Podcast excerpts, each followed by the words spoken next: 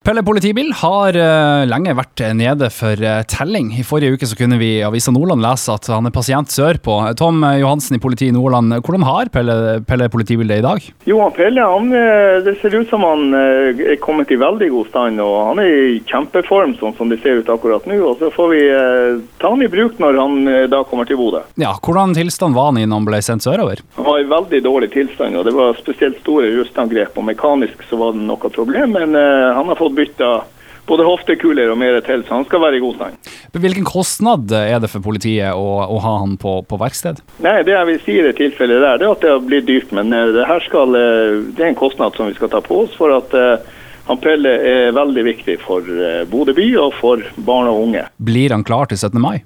Han Pelle skal være klar til 17. mai, og han skal kjøre først og i den fine tilstanden han er i. Det sier altså Tom Johansen i politiet i Nordland. Han har altså ansvaret for alle politikjøretøyene i Salten.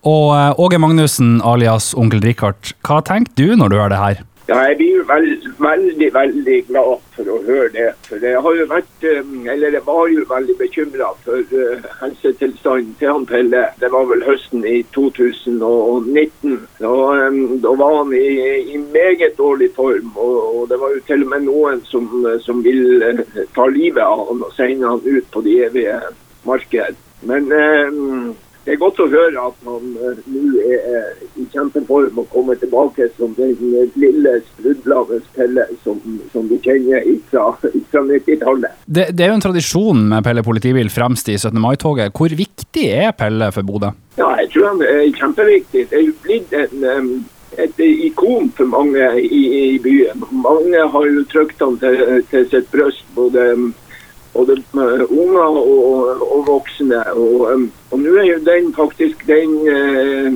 generasjonen som var, var småbarn før, før, og gikk eh, i barnetog eh, sammen med, og barnehagetog sammen med Pelle på, på 90-tallet. De er jo nå blitt foreldre og tar med sine unger ut på, på, i barnehagetog og barnetoget. Så, så Pelle har jo betyr, Pelle betyr jo veldig mye for, for veldig mange i Bodø.